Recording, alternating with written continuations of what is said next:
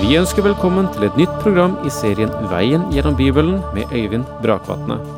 Denne studieserien er produsert av P7 Kristen Riksradio og bygger på serien Through the Bible av Vernon McGee. I dag fortsetter vi med første Johannes brev.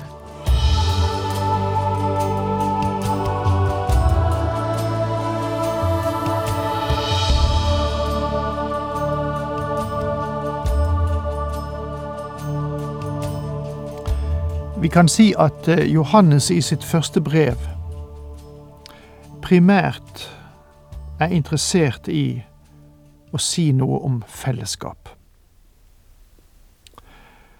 Hvordan dette fellesskapet oppstår, hvordan fellesskapet utvikler seg, og på hvilken måte vi selv kan leve i fellesskapet.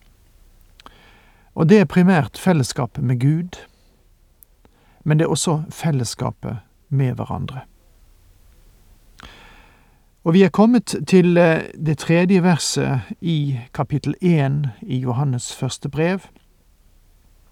Vi eh, sa litt om det sist, men skal fortsette der i dag. Det som vi har sett og hørt, sier Johannes, forkynner vi også for dere, for at dere skal ha samfunn med oss vi som har samfunn med Faderen og Hans Sønn Jesus Kristus. Nå er det tredje gangen han har sagt at han har sett og hørt.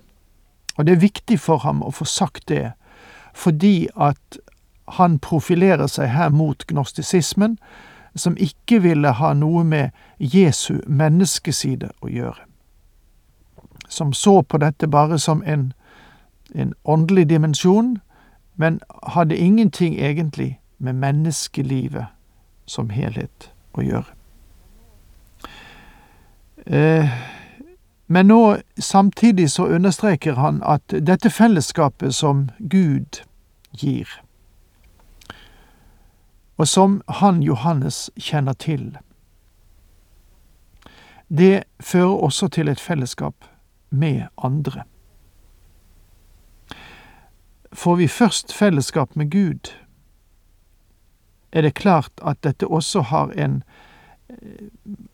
en horisontal dimensjon, der vi har fellesskap med hverandre. Jeg sa sist at eh, begrepet for fellesskap, det greske ordet, er koinonia, og det betyr å ha noe felles eller dele med. Og kristen fellesskap betyr å dele det som er av Kristus.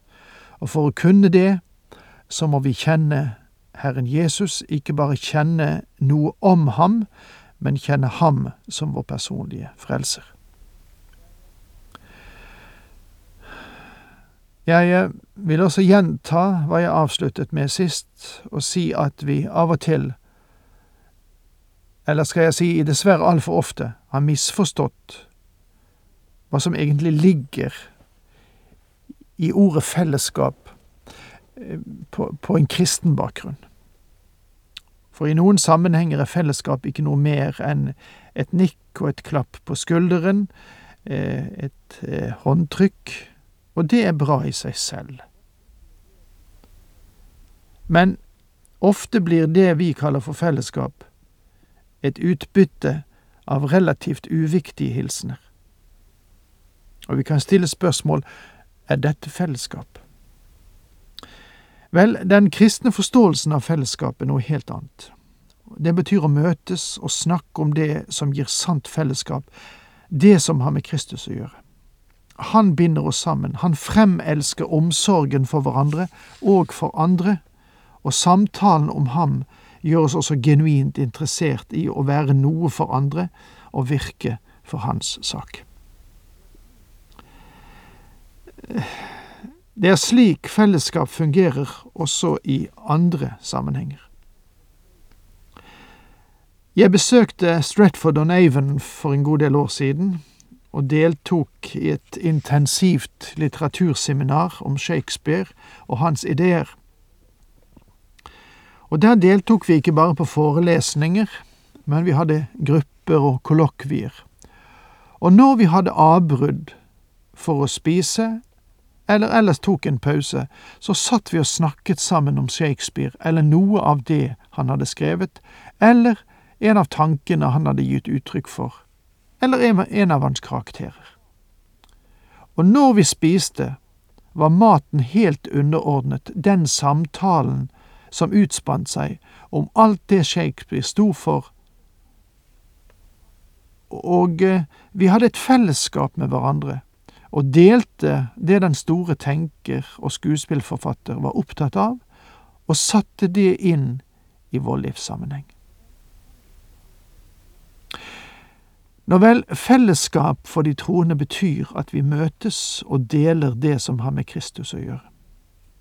Vi taler om den Herre Jesus Kristus og Hans ord. Og det er denne typen fellesskap Johannes taler om når han sier dere skal ha samfunn med oss, vi som har samfunn med Faderen og Hans Sønn Jesus Kristus. Og vi skriver dette, fortsetter Johannes, for at vår glede skal være fullkommen. Og her møter vi den andre grunnen til at han skriver sin epistel. For at vår glede skal være fullkommen. Det er herlig å eie glede, ikke bare en liten humørfylt stund, men en hel del glede som gjennomtrenger hele personligheten fordi vi opplever fellesskap.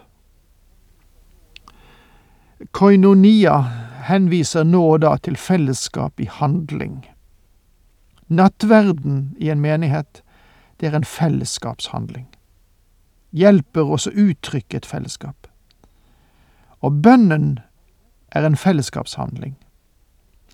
Men i dette kapitlet taler Johannes om å oppleve, erfare fellesskap, det samme som Paulus har i tanke når han skriver Da kjenner jeg ham, og kraften av hans oppstandelse får del i hans lidelser.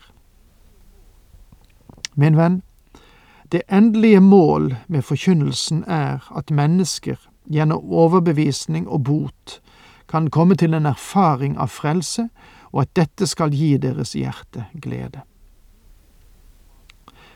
På samme måte som den etiopiske hoffmannen som fikk lære Kristus å kjenne ved hjelp av Philip, og som du kan lese om i Apostlenes gjerninger kapittel åtte. Eh, han fortsatte ikke sin reise og skrøt av hvilken fenomenal predikant Philip var. Han tro sin vei med glede. Hvorfor? Fordi han hadde lært Kristus å kjenne. Og hensikten med Johannes' epistel er at du og jeg sammen kan dele disse vidunderlige sannheter som angår Kristus, så Guds ånd kan ta det som hører Herren Jesus og Faderen til, og levendegjøre det på en slik måte for oss at vi har fellesskap med hverandre, det dypeste og vakreste fellesskap, og på det grunnlaget en sann og sunn glede. Nå vender vi tilbake til det problemet som jeg nevnte tidligere. Johannes har sagt at han har skrevet dette så vi kan ha fellesskap, og for at gleden skal være full og hel. Og denne glede vil selvfølgelig være fullstendig når vi har fellesskap med Gud. Men der er et hinder å overkomme. Johannes peker på et virkelig dilemma som hvert Guds barn må ha klart for seg. Den muligheten, at et menneske kan ha fellesskap med Gud, er en herlig sannhet. Men vårt håp settes øyeblikkelig på den ytterste prøve når vi står overfor det dilemma som Johannes peker på. Hør hva han sier. Dette er det budskap vi har hørt av ham og forkynner dere. Gud er lys. I ham finnes det ikke mørke. Gud er lys. I ham finnes det ikke mørke. Det betyr at Gud er hellig, og vi vet at mennesket er vanhellig. Hvordan kan da den avgrunnen overbygges som finnes mellom en hellig frelser og en Øyvind Brakvatne? Hvilket enormt spenn det er her. Denne dype avgrunn mellom oss er bratt og uoverstigelig. Hvordan kan Gud og menneske føres sammen? Jobbs rop om en domsmann som kunne legge sin hånd både på jobb og på Gud, og føre dem sammen, som omtales i Jobb kapittel 9 vers 33, det er et klart og intenst behov. Gjennom Jesaja sier Gud, for mine tanker er ikke deres tanker, og mine veier er ikke deres veier. Jesaja 55 vers 8. Hvordan kan det syndige mennesket vandre sammen med Gud? Johannes forteller oss at Gud er lys. Og dette er egentlig en definisjon av Gud. Vi har delt denne epistelen i tre deler, og hver av dem er en definisjon av Gud. Først møter vi at Gud er lys, dernest at Gud er kjærlighet, og for det tredje at Gud er liv. Men hvordan i all verden skal vi da kunne ha fellesskap med Gud? Det ser ut til at vi må gjøre én av to ting. Enten må vi bringe Gud ned til vårt nivå, eller så må vi løfte mennesket opp til Guds nivå. Og ingen av delene kan vi gjøre, og likevel har mennesket prøvd nettopp det. Og Johannes viser oss her i sin epistel det umulige i den første løsningen, og gir oss en stor definisjon av Gud. Gud er lys. Jeg har lest at moderne vitenskap ikke er helt sikre på hva lys egentlig er. Er lys energi, eller er det materie? Hva er lys? En lyskilde, det er én ting, men når du skrur på lys i et rom, så blir det mørket som lurer i krokene, til lys. Hva har hendt? Hva var det som strømmet fram mot krokene og drev ut mørket? Eller ble mørket egentlig drevet ut? For det er jo samtidig slik at når lyskilden skrus av, vender mørket tilbake til krokene. Hva er lys? Vel, når Johannes sier at Gud er lys, så åpenbarer han mange sider av Guds person. Og selv om ikke dette dekker hele spekteret av de egenskaper Gud har, så sier det en hel del om ham. Først av alt taler lyset om herlighet, det strålende, det vakre og det vidunderlige ved Gud. Har du sett østhimmelen når solen kommer opp som en herlighetsåpenbaring? For noen år siden var jeg på en kanotur og våknet til en fantastisk ny dag. Men en venn som var sammen med meg, hadde vært tidligere opp enn meg, og han sto vendt mot soloppgangen, og jeg spurte ham hva han gjorde oppe så tidlig. Og der kom han med en bemerkning som jeg aldri har glemt. Øyvind, jeg står her og ser når Gud skaper en ny dag. Hvilken sitrende opplevelse det var å være der og se Gud skape en ny dag. Plutselig så stakk solen opp bak horisonten, og solstrålene trengte seg fram til oss som bunter av herlighet. Og jeg må bekjenne at jeg svettet ganske mye senere på dagen når vi padlet videre, men hvilken soloppgang! Gud er lys. Hvilken skjønnhet og stråleglans og herlighet Gud har. Og med denne undringen over Guds herlighet, så la meg si takk for nå, Herren med deg.